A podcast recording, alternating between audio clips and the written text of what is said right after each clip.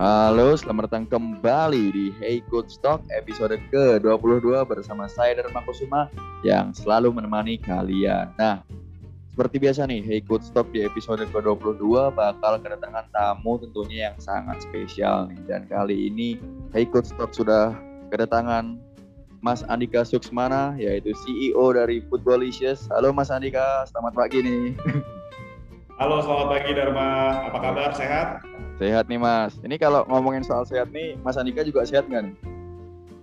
Alhamdulillah, masih iya. bersyukur kita diberikan kesehatan. Iya, karena kalau misalkan di masa pandemi ini kita harus serius ya Mas ya, ngomongin soal kesehatan. nomor satu itu, nomor yeah. satu dulu. Uh, sehat ya Mas, walaupun kayaknya baru-baru ini lagi banyak meeting nih Mas, dari Mas Andika.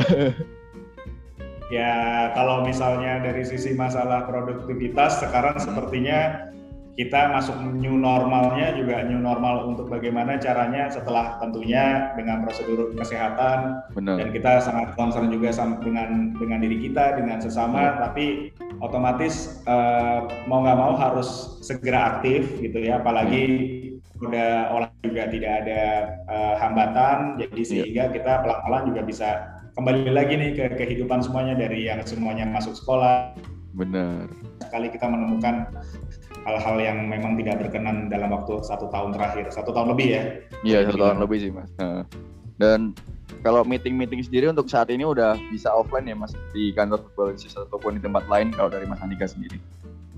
Belum semua memang oh, masih belum. ada beberapa apalagi misalnya kalau misalnya klien-klien kantor kami yang memang masih nasional uh, peraturan internasionalnya mungkin masih mengharuskan semua kantor cabang mereka tidak boleh offline Oke. Okay. Sudah terbiasa nih dengan virtual gitu. Iya. Yeah. Tapi kalau di kantor kami di Footballicious kita sejak tahun 2021 ini ya di kantor ada antigen juga uh, dalam waktu yang udah kita uh, lakukan di internal. Tetapi konsultansi ya atau kita bilangnya agency sports marketing. Yeah. Jadi harus perlu banyak ide harus perlu perlu banyak kalau apa namanya dalam keadaan pandemi setahun kemarin kita terbiasa sedikit menahan lah semuanya. Nah sekarang Benar. kita mencoba untuk bisa mendeliver. Semoga semuanya akan jauh lebih baik lagi. Oke nah kalau ngomongin soal virtual terbiasa dengan virtual kita pun juga melakukan podcast ini dengan virtual. Dan apabila para pendengar podcast mendengarkan kesalahan-kesalahan teknis yang audionya bakal tidak sebaik waktu offline ya mohon maaf ya para pendengar.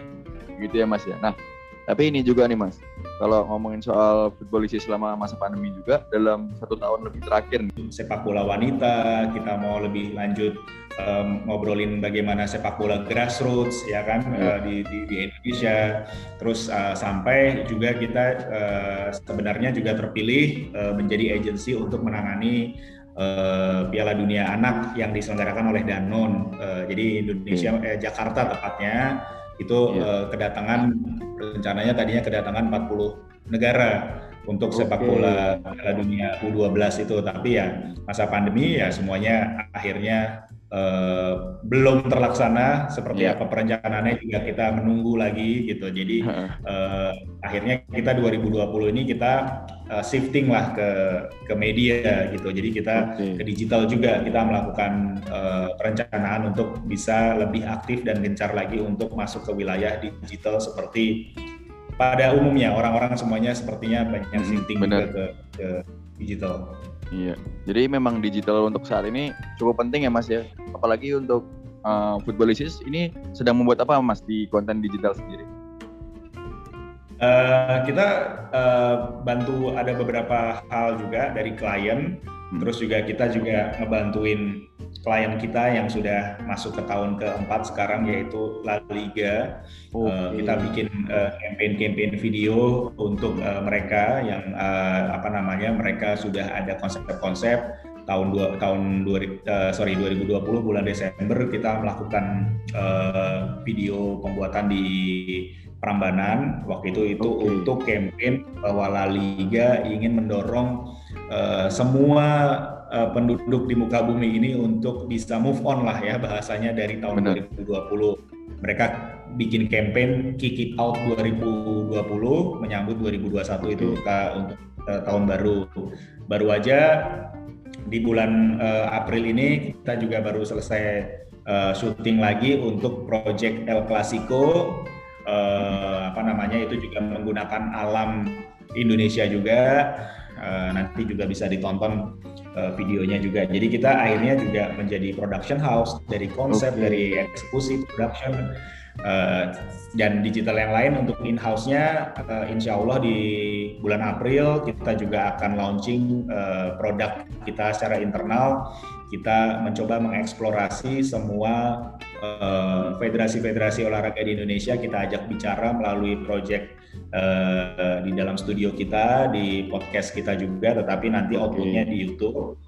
Tidak juga tidak semua federasi juga jadi ada beberapa atlet-atlet tapi kita tidak terfokus kepada sepak bola. Jadi uh, ke semua unsur wilayah termasuk urusan urusan-urusan lain kayak misalnya di belakang layar orang-orang yang bekerja di bagian-bagian okay. olahraga apakah itu nantinya dia sebagai fotografer atau sebagai oh, iya. media misalnya gitu-gitu jadi kita lagi coba uh, nantinya mendorong supaya olahraga di Indonesia tuh sebenarnya punya potensi gitu Benar. itu Oke, jadi sebenarnya banyak juga nih yang dikerjakan sama Mas Andika nih. Apa namanya? Uh, sama masa pandemi, move on dari pandemi lah istilahnya. Termasuk tadi La Liga. Uh, termasuk dari La Liga dan di La Liga sendiri banyak fans Indonesia nih. Dan kalau boleh tahu nih Mas Andika, untuk sepak bola sendiri dari pribadi Mas Andika, apakah punya tim favorit sepak bola nih tentunya? Kalau misalkan membangun futbolisnya sendiri. Ya, awalnya memang eh, dari kecil saya memang akhirnya seakan-akan terlahir menjadi fans Liverpool nih. Wah. ya, Liverpool ini yeah. memang menjadi sebuah klub yang akhirnya buat saya pribadi eh, apa namanya artinya sangat penting buat kehidupan saya karena tidak eh, dari supporter biasa yeah. akhirnya bisa menjadi eh, profesi juga akhirnya saya bermimpi juga melalui Liverpool bermimpi bekerja di bagian dari klubnya tersendiri, yeah. Ya. uh, kemudian juga bermimpi bisa mendatangkan klubnya sendiri ke Indonesia. Nah itu menjadi sebuah hal yang uh, besar buat saya karena menjadi motivator juga buat setidaknya buat keluarga saya, buat anak-anak saya, buat saudara-saudara saya, teman-teman saya, staf kantor saya. Jadi saya selalu cerita bahwa ini adalah bagian kita harus bisa berani bermimpi besar, tetapi jangan diam gitu. Tapi tetap harus yeah. eksplorasi, harus produktif, harus aktif, harus kreatif, dan yang paling penting harus tetap menginjak di bumi. Jangan jadi orang jadi arogan, jangan apalagi menjadi orang jahat. Yeah. apalagi menjadi orang licik gitu. Jadi kita tetap harus bisa uh, stay like you are, stay humble, tapi uh, insya Allah dengan niat baik itu otomatis manusia ini kan hanya menjadi penggerak lah ya. Otomatis kita tetap harus berdoa kita tetap harus berikhtiar semuanya kepada yang di atas. Jadi otomatis semuanya lancarnya dari cuman suka Liverpool akhirnya mimpi-mimpi tersebut uh, bekerja semuanya. Sampai yeah. hobi traveling ya kalau traveling uh, bisa punya uh, mimpi datang ke Stadion Anfield wah ya sampai bisa nginjek lapangan gitu kan. Waduh. Gitu, bisa ketemu pemainnya gitu.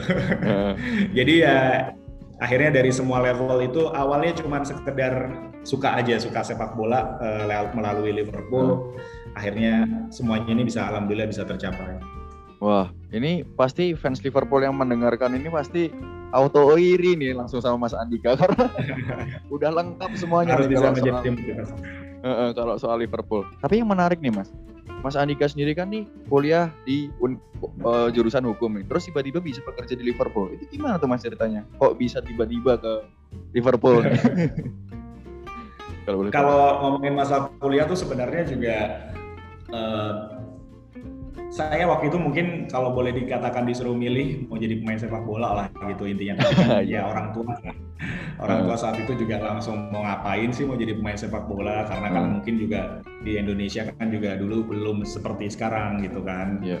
tapi uh, setelah itu juga akhirnya saya punya kemauan uh, tapi saya jalanin semuanya ya ibarat air aja mengalir aja. Tapi yang penting uh, kondisinya adalah saya suka sepak bola nomor satu itu sepak bola is my life lah boleh dikatakan yeah. oh dapat koran zaman dulu tabloid bola ya kita bola. kita sering beli itu tabloid bola uh, kalau misalnya bukan tabloid bola misalnya koran biasa juga yang saya buka langsung lembaran paling belakang gitu Bener. baca uh, berita-berita olahraganya, baru habis itu yeah. yang lain-lain. Tapi kalau misalnya ngobrolin masalah pendidikan, uh, hmm. ya karena saya ngambil uh, hukum, kemudian yeah. juga hukumnya juga uh, dapat saran dari saudara-saudara yang sudah ngambil hukum perdata, hukum hmm. pidana hmm. gitu akhirnya yeah. kasih tahu boleh ngambil hukum tapi jauhi dua mata kuliah dua kekhususan tersebut gitu, gitu. Jadi akhirnya dibicarain bilang mereka cuma bilang kalau sebenarnya saya dengerin ini dari om saya kebetulan om saya tuh okay. bilang seperti itu. Jadi uh, karena beliau juga memang di lulusan hukum cuman ngambilnya juga uh, hukumnya lebih spesifik masuk ke wilayah Indonesia tapi akhirnya yeah. dikatakan dia cuma bicara sebenarnya namanya pendidikan kuliah itu sebenarnya cuman yang penting masa depan itu adalah bahasa Inggris komputer sama agama itu okay. intinya itu tiga itu ya? akhirnya Iya itu dia cuma ingat itu. Jadi jauhi perdata, jauhi pidana. Jadi orang yang jujur, jadi orang yang menyenangkan. Ya udah ambil iya. aja hukum internasional. Ya udah saya wow. ikuti itu. Akhirnya akhirnya ngambil hukum internasional. Dari situ juga akhirnya sebenarnya ya nggak kepake secara secara ini ya. Ya secara langsung. Secara langsung lah ilmu disiplinnya gitu. Tapi ya sedikit lumayan sekarang baca-baca kontrak, draft kontrak gitu yeah. agak paham sedikit lah ya. Jadi jago. Oke nih. Jadi untuk soal kuliah sendiri sebenarnya nggak nyambung tapi secara tidak langsung pun jadi bisa gitu ya mas. Jadi kepake lah minimalnya kan. Yeah.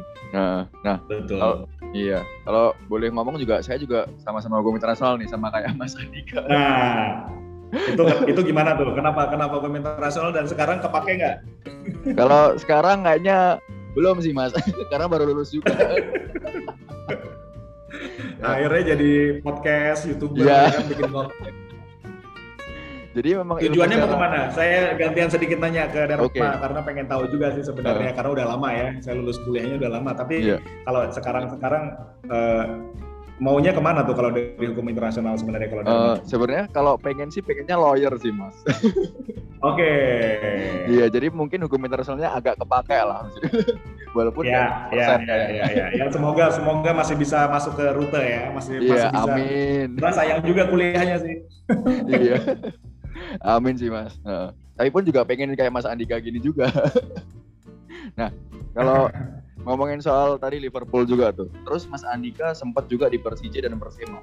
Kira-kira nih Mas, perbedaan signifikan apa nih antara bekerja di klub luar negeri dan juga klub di Indonesia sendiri dan apa yang perlu dicontoh oleh klub Indonesia? Tidak ya sekarang dalam waktu ya kita bicara 2015 2016 ya. ketika setelah Indonesia di ban oleh FIFA itu sebenarnya sudah mulai belajar lah Indonesia. Tadinya memang ya. masih sangat konvensional ya kalau kita bicara ya. tapi kalau ngomongin masalah ketertinggalan dan harus belajar tertinggal jauh sekali Indonesia gitu. Karena boleh dikatakan kalau kita bicara ngomongin nggak usah ngomong federasinya tapi kita ngomong masalah klubnya dulu.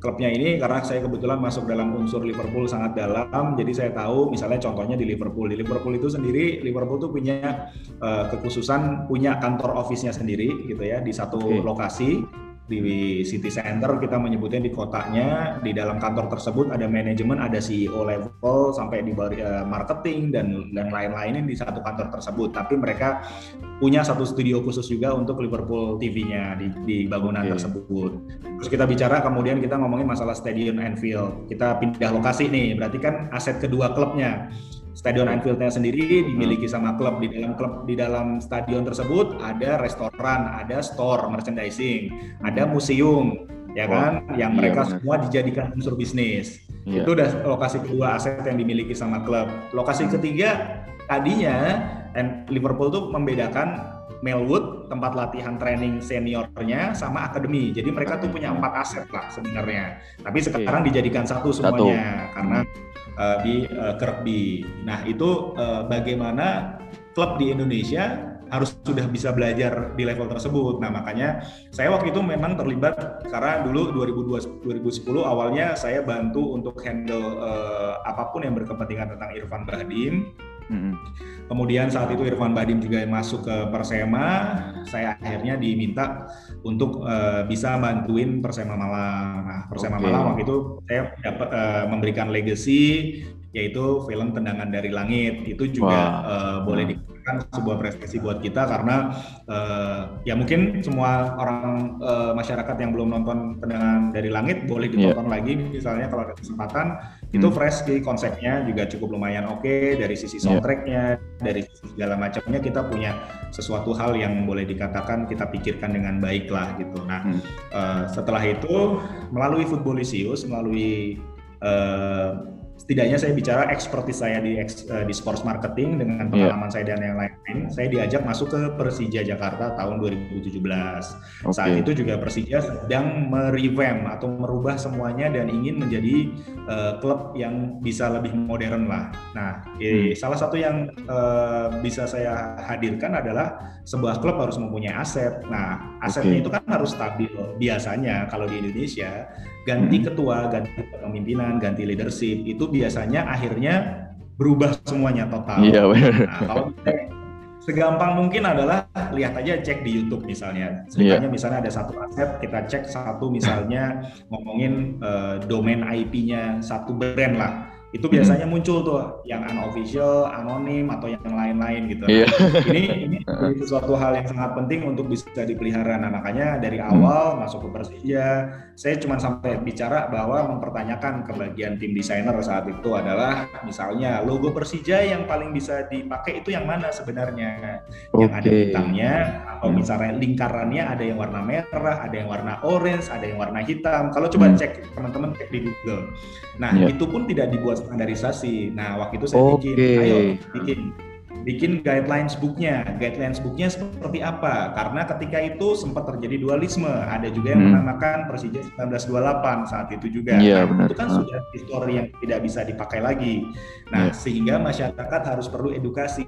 Itu di bagian manajemen juga perlu hmm. ada misalnya uh, public relation, orang PR. Nah, di Indonesia, okay. khususnya hmm. di wilayah olahraga, yang namanya key speaker itu boleh saya katakan, boleh masih sangat kurang. Kenapa PSSI okay. kadang-kadang sering diserang oleh publik, tidak dikonter hmm. dengan bahasa yang benar, karena tidak punya oh, orang yeah. key speaker yang bagus, tidak ada orang PR uh, eh, public relation yang modern yang mampu mengetahui bahwa sebenarnya bisa mentwist segala hal untuk menjadi sebuah komunikasi massa yang baik gitu. Nah, hal-hal ini yang sebenarnya perlu belajar sangat banyak tidak perlu mengomongin masalah ya kan tapi punya duit misalnya gitu loh yeah. kan uh. klub itu menghabiskan sekarang kita bicara masalah sepak bola lagi lah satu yeah. musim klub sepak bola Indonesia eh, menghabiskan berapa miliar untuk pemain mm -hmm. khususnya pemain asing yeah. tapi Banyak. apakah mereka sudah menghabiskan aset tersebut untuk hal-hal yang lain, misalnya membayar gaji orang marketing yang keren, orang legal yang keren, orang okay. corporate secretary yang bagus, mm -hmm. atau misalnya sampai aset-aset kecil, kamera yang bagus, MacBook yang bagus, hal-hal yang perintilan yang kecil gitu. Iya. Apakah yeah. sampai misalnya kantornya juga proper gitu kantornya yeah. juga sampai benar-benar bagus dilihatnya gitu semua hmm. karyawannya punya sistem absensi yeah. punya sistem akunting yang bagus nah ini kan juga semuanya perlu hal-hal yang betul-betul harus dimodernisasi untuk Benar. akhirnya jangan disalahkan ke pemain uh, terus-terusan gitu kalau kita gagal hmm. tapi apakah di level pelatih di level scouting di level uh, uh, junior akademinya yeah. sampai di level manajemennya gitu jadi memang kita uh, tertinggal, tetapi saya katakan Indonesia dalam track yang benar, tinggal diisi sama orang-orang yang sekarang mungkin mau untuk bisa mencoba menjembatani ke arah sana. Dan yang paling penting nomor satu harus disiplin. Itu yang ya, paling benar. penting gitu. Jangan ketika orang Indonesia masih bilang janjian jam berapa? Jam 9-an gitu. Nah, jam 10-an gitu. Itu saya bilang belum disiplin. Ya, ya kan? Ya kalau mau kita bicara jam 9 9.15, jam 9.45, ya. jam uh. 20 gitu. Nah, saya suka dengan hal-hal uh, sistematik itu yang saya dan saya belajar itu dari dari uh, orang lain gitu ya, maksudnya dari yeah. negara lain karena uh. saya lihat ternyata banyak menjadi uh, keuntungan kok buat kita. Hmm. Oke, jadi sebenarnya banyak tantangan dan banyak apa ya yang harus dipelajari banget ya Mas ya dari klub luar negeri sendiri. Contohnya juga disiplin bahkan yang terutama human resource tadi ya Mas ya dan beberapa infrastruktur ataupun aset. Nah, kalau apakah hal tantangan-tantangan tersebut atau pengalaman tersebut yang menginspirasi Mas Andika untuk membangun Footballicious Mas? Kalau boleh tahu. Betul. Jadi awalnya saya kerja uh, saat itu di yeah. advertising agency.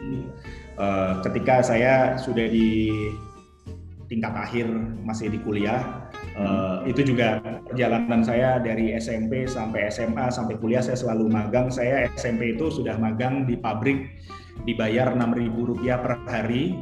Uh, jadi yeah. kayak udah udah jadi buruh, udah jadi buruh saya di SMP yeah. itu ketika liburan sekolah SMA saya sempat ngambil uh, magang lagi juga gitu Hmm. Kuliah saya magang di airport Cekareng waktu itu oh, sampai iya. akhirnya saya kerja. Hmm. Uh, jadi saya memang saya drill, sorry SD pun saya sudah disuruh jualan es krim sama ibu saya. Wah. Jadi sebenarnya dari kecil saya udah dikasih tanggung jawab untuk uh, bagaimana caranya memanage time management. Hmm. Karena ibu saya kebetulan ya saya bersyukur uh, beliau adalah wanita karir, jadinya dia mau anak-anaknya juga mempunyai potensi supaya akhirnya hmm hidup itu tidak ada yang instan, tidak yeah. ada jalan pintas, tidak ada yang enak. Jadi saya disiapkan banget dari kecil bagaimana hmm. kita bisa bertarung. Nah, masuk ke wilayah dari sisi uh, pengusaha di Footballisius, saya melihat adalah hmm. sebenarnya ketika tadi saya bekerja sebagai advertising agency, saya melihat semua orang bisa jadi EO, semua pun okay. uh, pentingnya networking. Uh-huh. Tapi saya bisa melihat hobi saya olahraga, hobi saya sepak bola, kenapa saya tidak buat create satu brand sendiri? Jadi ada satu hari saya tiba-tiba langsung melihat bahwa ini adalah saatnya agensi saya untuk saya belokkan menjadi hmm. tadinya namanya adalah Triple W gitu ya. Triple W itu adalah nama PT, itu Triple W hmm. agency untuk ada ada IO, ada ada event management, ada PR, okay. ada yang lainnya juga. Tetapi akhirnya saya create satu brand identity baru, Footballisius. Okay. Bersyukur sampai sekarang uh, secara secara industri agency saya sebenarnya udah dari tahun 2002 Mm-hmm. Dua tuh berarti sekarang kita bicara udah ngomongin 19 tahun. Uh, terus uh, sorry kita bicara lebih dari itu gitu ya. Nah, yeah. Kalau ngomongin masalah football issues sendiri 2010 ya. Sekarang uh, hmm. udah sampai sekarang kita masih bersyukur diberikan uh, terus nih benderanya masih berjalan. Yeah. Ya saya cuma membawa profesionalisme kerjalah di dalam hmm. uh, semua keseharian saya. Oke. Jadi kalaupun bagi para pendengar nih yang belum tahu Footballisis bisa langsung dicek ya Mas ya di media sosial apa pun ataupun di Google langsung muncul tuh Mas ya. langsung you, muncul. Thank you, Iya, kalau misalkan para pendengar yang belum tahu nih. Tapi kalau ngomongin ini juga Footballisis ini kan kalau saya lihat pun juga terkenal dengan brandingnya, membranding seorang pemain yang saya bilang luar biasa lah untuk menjual apa namanya seorang pemain. Nah, Uh, kalau dalam segi branding sendiri mas, apakah dalam branding itu ada pendidikan ataupun lisensi mas? Kalau boleh tahu? Sorry, uh, ada apa? Kalau dalam branding ini apakah ada pendidikan atau lisensi tertentu untuk menjadi konsultan branding seperti yang dilakukan oleh Mas Andika? Enggak, enggak. Semua semua semua pakai experience, semua pakai masalah dari sisi bagaimana kita juga mengetahui juga tentang bagaimana uh, menjalankan industrinya. Kita harus tahu produknya. Oke. Okay. Begini, tidak perlu harus dia bekas pemain sepak bola, tidak perlu dia bekas hmm, pemain yeah. satu order gitu ya. Oke. Okay. Tapi tidaknya ya kita tahu lah Jose, Jose Mourinho juga dia bukan pemain sepak bola yang Benar. bagus gitu yeah. kan, bukan pemain profesional. Nah, yang kita lihat adalah sebenarnya kita mengerti dan kita banyak bicara dan kita turun ke lapangan untuk melihat bagaimana caranya untuk bisa meng-create uh, bagaimana sih seperti ini. Kita tahu bisnis nomor satu, tetapi yang nomor satu yang yang paling penting adalah bagaimana juga kita punya sedikit uh, keinginan untuk hmm. bisa menjadikan negara Indonesia itu uh, improve gitu. Nah ini okay. kan yang paling diingini oleh semua masyarakat Indonesia. Kita bantu dari sisi level yang mungkin kita harus menciptakan atlet-atlet ini mengerti juga bagaimana sekarang hmm, itu benar. modernisasi masalah digital dan yang lain, terutama branding. Hmm. Personal branding ini kan adalah uh, sangat penting gitu karena boleh yeah. dikatakan saat ini eh, teman-teman saya mengatakan gini kepada teman-teman sepak bola kalian ini beruntung dan tidak beruntung tidak beruntungnya dalam okay. tanda kutip beruntung adalah ya boleh dikatakan kita ngomongin masalah gaji gaji uh. pemain sepak bola sekarang luar biasa penghasilan penghasilan di luar lapangannya juga luar biasa benar ya kan? tapi tidak beruntungnya adalah mereka hidup dalam sosial media which is okay. ketika keinginannya uh. untuk bersosial bersosial media itu pengen dong semuanya punya sosial media, pengen punya yeah. dari zaman Facebook, Twitter, uh, Instagram, TikTok sekarang gitu, YouTube. Hmm Tapi mereka juga harus siap bahwa di level kedisiplinan, level performance, level hal-hal yang berkaitan sama dia jualan produknya itu, atlet itu kan jualan produknya adalah ketika dia di lapangan, dia ya, tampil, benar. dia hmm. bicara, diikuti oleh followers-followersnya. Jangan sampai semuanya akhirnya juga menjadi bumerang untuk mereka. Ketika mereka tidak sanggup atau tidak kuat, ya. pasti akan mentalnya akan kena psikologinya. Nah, branding ini harus diperlukan dari bagaimana caranya uh, menjaga sebuah branding nama Uh, kalau kita ngomongin lisensi, tentunya tidak ada gitu, karena okay, semuanya juga tentunya hmm. pakai uh, apa namanya kepengetahuan kita sendiri gitu ya, bagaimana seperti pengalaman ya mas. Hmm. Ya. Jadi pengalaman dan jam, jam terbang ya, yang paling dibutuhkan. Nah, kalau ngomongin soal tadi itu branding juga. Nah, terus tentunya skill apa sih yang harus dimiliki oleh uh, seorang konsultan branding konsultan untuk melihat nih oh pemain ini bisa nih di branding seperti ini ini punya karakter seperti ini itu kayak gimana tuh mas? Mas Andika melihatnya? Caranya? Uh, mungkin kalau misalnya selalu kalau misalnya orang bicara agent pemain gitu misalnya itu hmm. selalu melihatnya ke film Jerry Maguire gitu ya. Oh iya. Nah, yeah pasti sel saya selalu dikatakan seperti itu tapi sebenarnya kita tuh uh, Footballicious tuh ya oke okay, kita agen pemain dari sisi komersial kita uh, ngomongin masalah branding ke pemain ke klub dan ke yang lain dan juga termasuk activation tapi yang kita iya. lihat sih sebenarnya uh, kita harus bisa mempunyai saya nyebutnya eye of talent gitu karena gini loh okay. jadi orang yang mau membantu itu jangan di level ketika mereka sudah tahu orang tersebut sukses gitu.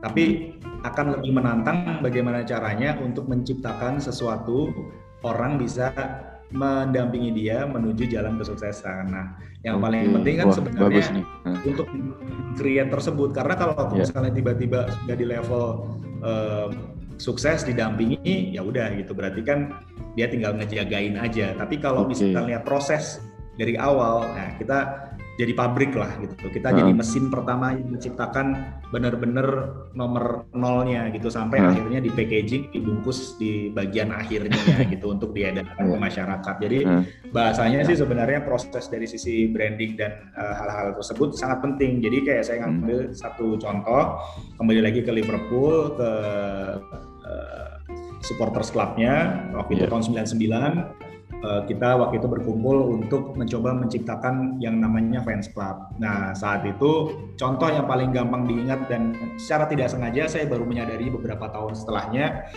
kita menciptakan namanya Big Reds itu. Big Reds itu diciptakan oleh salah satu founder waktu itu namanya, tetapi juga akhirnya kita menyadari bahwa itu adalah branding yang sangat kental, sangat bold karena wow, Big Reds itu yeah. bukan Big dan Reds, bukan. Jadi orang kadang-kadang pasti orang-orang di luar di sana pasti melihatnya adalah Liverpool Big Reds, Big Reds itu adalah big besar, Reds merah gitu.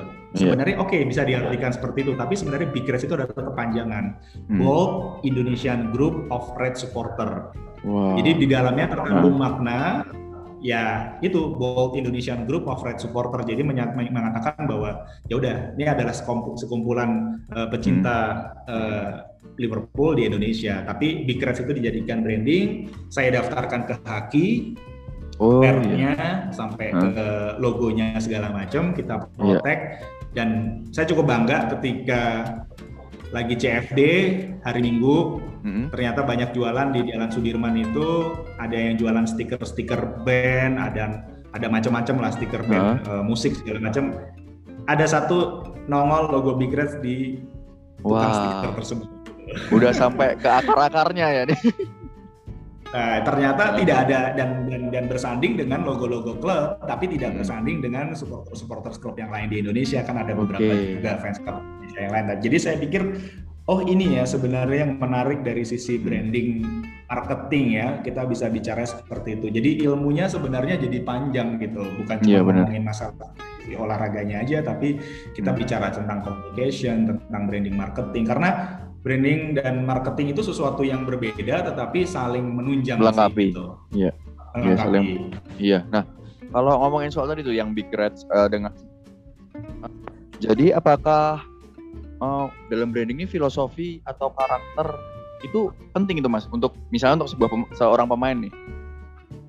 Ya gini. Jadi kalau saya melihat lagi uh, semua industri semua klub semua ekosistem itu harus punya values. Uh, yeah. Dipikirin tuh values, valuesnya, vision missionnya itu harus dipikirin dan uh, istilahnya gini, kalau misalnya di PSSI mau hire direktur teknik, direktur tekniknya harus bisa menginfluence semua pelatih asprof dari Aceh sampai Papua untuk yeah, iya. melakukan yeah. values-nya dia. Values-nya dia adalah masalah kedisiplinan. Kemudian turun lagi ke formasi, pertandingan, hmm. technical dan yang lain-lain. Tapi values-nya itu harus diterapkan sampai di level ke pemainnya gitu. Kalau misalnya oh. lo kerja keras di lapangan, tetapi semuanya harus tidak perlu adanya keributan di lapangan, misalnya kayak gitu. Nah ini kan akhirnya menjadi branding juga, branding ya, bahwa akhirnya ketika uh, tim Indonesia main, klub itu bermain, wah otomatis kita akan melihat nih skema-skema yang sebenarnya bisa dibangun. Capek sih memang iya, mencoba ya, mendisiplinkan detail-detail ini capek banget, ya. tapi negara Indonesia butuh itu. Negara Indonesia okay. butuh sesuatu yang boleh dikatakan kita harus bisa mendeliver pekerjaan-pekerjaan yang betul-betul sangat detail, sangat dipanggil. Hmm. Karena saya melakukan itu gitu. Yeah. Uh, Footballicious menyelenggarakan turnamen sepak bola antar rumah susun di Jakarta 2015 oh, yeah. sampai 2018. Ketika hmm. pertandingan semifinal, karena yang berangkat berangkat ke Spanyol nih, akhirnya oh? pasti oh, akan iya? jadi Oh ya, itu bisa dilihat di YouTube di YouTube di Jakarta Rusun Festival. Waktu itu kita kerja okay. sama dengan partner-partner yang lain juga. Uh-huh. Nah, itu saya kumpulin kapten-kapten ya. Saya bicara. Iya. Yeah. Saya cuma kenal kapten A, kapten B, kapten C, kapten D. Saya bilang nama-namanya saya sebutin. Yeah. Saya cuma kenal kalian berempat. Kalau sampai ada kerusuhan segala macam, saya di di briefing itu saya panggilin Pak Polisi. Oh. Saya bilang Pak Polisi, kalau ada keributan, tolong empat orang ini diambil nih Pak, diajak ke kantor polisi. Okay. Karena kalian kapten, saya belajar mendelegasikan bukan cuma foto aja ban kapten ditaruh di yeah, tapi benar. saya bilang kalian, kalian harus belajar leadership. Hmm. Itu yang namanya mereka terasa satu termotivasi untuk menang, kedua juga hmm. ketakutan juga karena polisi. Akhirnya yeah. mereka mendeliver message itu terjadi bahwa okay. akhirnya saya katakan ketika dalam briefing itu, kalau ada kalian boleh main keras sepak bola semua fisik, tapi hmm. ketika terjadi keributan, uh, terjadi pelanggaran, dibantu lah sportivitasnya, dibantu yeah. teman-temannya, minta maaf, jangan protes ke wasit, hmm. kemudian selalu senyum, bicara dengan yeah. baik bersyukur selama turnamen sampai dari awal mula sampai tuh. terakhir huh? tidak ada keributan yang wow. sangat minimal tidak ada sama sekali. Jadi akhirnya uh. Uh, kita sangat bangga dengan proyek itu ya kita berharap di 2021 moga-moga kalau pandemi juga sudah uh, berakhir juga atau misalnya lebih baik Amin. lagi kita menyelenggarakan lagi sih yeah. uh, turnamen tersebut karena di Jakarta itu ada uh, 23 rusun nawa, rusun yang disewa dan hmm. warga-warganya juga membutuhkan uh, geliat hal-hal tersebut juga. Nanti yeah. ya kita coba akan kembangkan hal tersebut karena kita sampai bawa anak rusun itu ke Real Madrid dan ke Barcelona Wah, bahkan di iya Real Madrid juga uh, ditonton ditonton uh, apa namanya sorry kita disambut oleh waktu itu Cristiano Ronaldo juga masih ada di sana jadi wow. kita benar disambut sama mereka juga gitu. Oke, wah penasaran nih wow, kalau mau nonton itu nanti kalau misalkan nanti ada ya kompetisi rusun. Boleh, boleh, boleh, boleh. Nanti saya juga kalau saya sekali berkunjung ke Jakarta mas. silakan Dharma, silakan kita ngobrol. Uh, bener. Nah, tentunya itu tadi ngomongin soal value ya dari seorang kapten dan ya. juga karakter ya tentunya dalam juga branding juga nih. Nah, tentunya kalau menurut Mas Andika nih manfaat branding bagi pemain tuh termasuk finansial juga bakal menolong nggak sih bagi untuk pemain ini? Sangat ya, karena kalau misalnya sekarang saya bilang uh, value, value itu kan yeah. nilai. Value itu kan sebenarnya kalau ngomongin branding itu uh, branding itu otomatis akan menciptakan value. Okay. Jadi si A, Cristiano Ronaldo dan Lionel Messi itu brandingnya udah jelas dua sosok yang berbeda gitu. Benar. Yang satu Ronaldo berani ngomong dan dia pernah main di Inggris, jadi dia bisa bahasa Inggris. Oh iya. Messi jago, silent, pendiam, nggak bisa bahasa Inggris. Yeah. Nah, otomatis kalau misalnya dicek di uh, angka uh, brand yang melekat ke dia, daftar endorsement mungkin bisa di Google lagi-lagi yeah. endorsement list Cristiano Ronaldo endorsement list Lionel Messi bisa dilihat jumlahnya karena perbandingannya pasti kelihatan yeah. produknya Ronaldo, dari ya? mana Ya, pasti Ronaldo karena otomatis yeah. dari situ ngelihat ada komparisinya, misalnya dari sisi nilai followersnya, kemudian dilihat wah Ronaldo bisa bahasa Inggris, otomatis yeah. dia jadi brand ambasadornya. Uh, kita bisa bawa dia ke semua negara. Ya, habis itu tidak perlu translator. Nah, mm-hmm. branding itu adalah makro gitu ya, mm. makro. Jadi kalau kita bisa bicara branding itu adalah long term. Dari long awal term. kita udah dilihat bahwa si A ini harus kita branding nih untuk mm-hmm. jadi long term gitu. Kalau marketing short term short term, beda benar. karena dalam proses yeah. satu satu satu pro, pro, produk baru di launching ya kita hmm. mau coba akhirnya nilainya di belakangnya adalah short term aja gitu branding is why branding adalah kenapa kenapa si A si B itu gitu tapi kalau hmm. uh, uh, jadi hal-hal itu yang mungkin bisa dilihat lebih jelas jadi sangat dibutuhkan tidak semua atlet tapi semua hal uh, olahraga kita bicara klub sepak bola semua hal memang perlu yang namanya branding. Oke, jadi memang branding itu untuk long, long term ya. Ini memang sebuah pengetahuan baru atau insight yang baru ya dari Mas Andika dan apa Footballisis hmm. lebih fokus ke branding atau ke marketing nih Mas kalau boleh tahu? Kita branding, kita otomatis hmm. branding kita uh, integrity, branding kita okay. uh, eh, kita mau kalau dalam menyelenggarakan project istilahnya klien-klien kita udah tidur tidur nyenyak dan oh, itu terjadi okay. dan itu terjadi banget ketika event ketika event klien kita uh, hampir sebagiannya sudah duduk tenang, tidak perlu ribet lagi. Jadi yeah. memastikan kalau di, dikerjakan proyeknya oleh Footballisius, saya jadi bukan promosi, tapi memang ini sebenarnya yang, apa, Mas. yang kita tunjukkan. yeah. 100% betul-betul percaya Project yang tadi saya sebutkan ketika kita menangani La Liga, La Liga itu kan uh, international uh, institution, yeah. uh, jadi hmm. ya kita ikut pitching uh, untuk mereka bukan bukan antar uh, di Indonesia, tapi kita udah menyelenggarakan uh, antar negara. Jadi akhirnya uh, yang kita lakukan tadi ketika kita bikin di Prambanan tidak ada tidak ada satupun hmm. representasi dari La Liga yang hadir semua moodnya udah bisa di, diselesaikan di uh, email, diselesaikan di WhatsApp, diselesaikan di uh, virtual call seperti ini juga. Jadi okay. semuanya akhirnya udah percaya 100% hasilnya diedit segala macam karena mereka tahu tesnya kita, kita juga hmm. bisa tahu tesnya mereka. Nah, ini sebenarnya long term itu yang masalah ditanamkan masalah integrity. Nah, si okay. A itu balik lagi bisa si ke atlet kan. Misalnya kita ya, bilang benar. kita mau kerja sama sama si A brandingnya long termnya adalah dia punctual atau waktu waktu manajemennya bagus. Besok syuting jam 7 pagi ya gitu. Uh-uh. Kita udah tenang, nggak telepon lagi malamnya. Iya. Karena dia jam 7 pasti akan hadir. Pasti akan. Tapi kalau branding long termnya dia adalah suka telat, Wah. kita selalu ragu-ragu sama dia. Ya nggak? Pasti Dharma ya, akan mengalami bener. seperti itu. Iya sih. Teman-teman kita pasti ada tuh.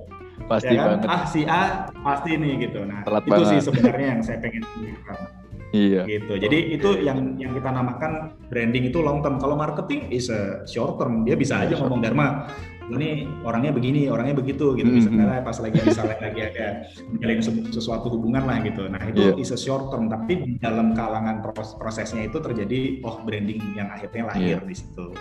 Oke. Okay. Jadi branding it's about long term ya. Nah kalau ini mungkin pertanyaan terakhir nih mas, karena kita udah panjang ngobrol panjang nih soal branding kalau dari pemain footballisis nih yang brandingnya uh, Mas Andika nih yang paling diandalkan nih siapa nih Mas?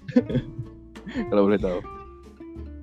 Sekarang kita bisa melihat sosok Ryuji Utomo. Kita bisa Ryuji melihat uh, dia sebagai seseorang yang profesional uh, dan saya mau dia juga dengar ini karena yeah. Iya. uh, saya juga uh, akan otomatis melihat dia sebagai seseorang dan mengekspek adalah dia menjadi salah satu lead example untuk hmm. teman-teman yang lain dalam kehidupan pandemi misalnya dia sibuk yeah. untuk hidup sehat Oh ya kan? iya benar. Memposting semua urusan-urusan tentang fitness dan yang lain-lainnya uh. gitu. Otomatis dari situ juga akhirnya klub Misalnya hmm. sekarang dia main di Penang di Malaysia. Jadi, Akhirnya klub Penang juga yakin 100%. Saya yakin Ryuji pasti kondisi fisiknya bagus.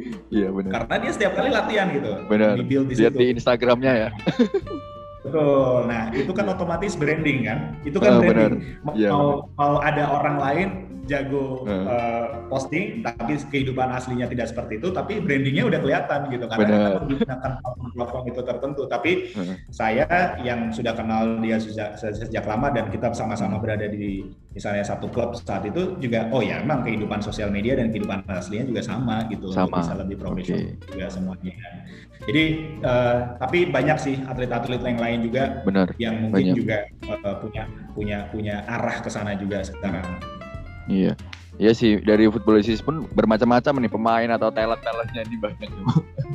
Oke nih Mas, karena kita udah ngobrolin panjang tentang branding ini tentunya kita akan menyudahi ini nih Mas. Dan saya terima kasih sekali Mas, uh, Mas Andika udah menyempatkan waktu untuk menjadi tamu Hey Coach Talk atau di Hey Coach Podcast ini dan juga mohon maaf atas ketidaknyamanannya atas koneksi yang terjadi dari kemarin Mas.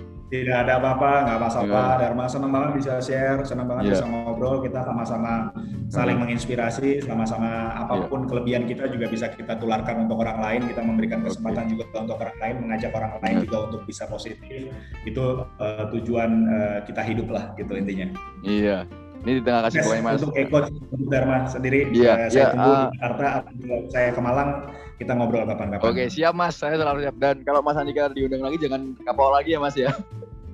Nah, nggak ada masalah. Anytime, anytime. Oke, okay, ya. Uh, dan apa yeah. wish, wish, wish you the best for uh, polisi ya Mas. Terima kasih Mas Andika. Thank you Dharma. Sukses juga ya. Iya. Sehat-sehat, sehat-sehat selalu Dharma. Iya, makasih Mas.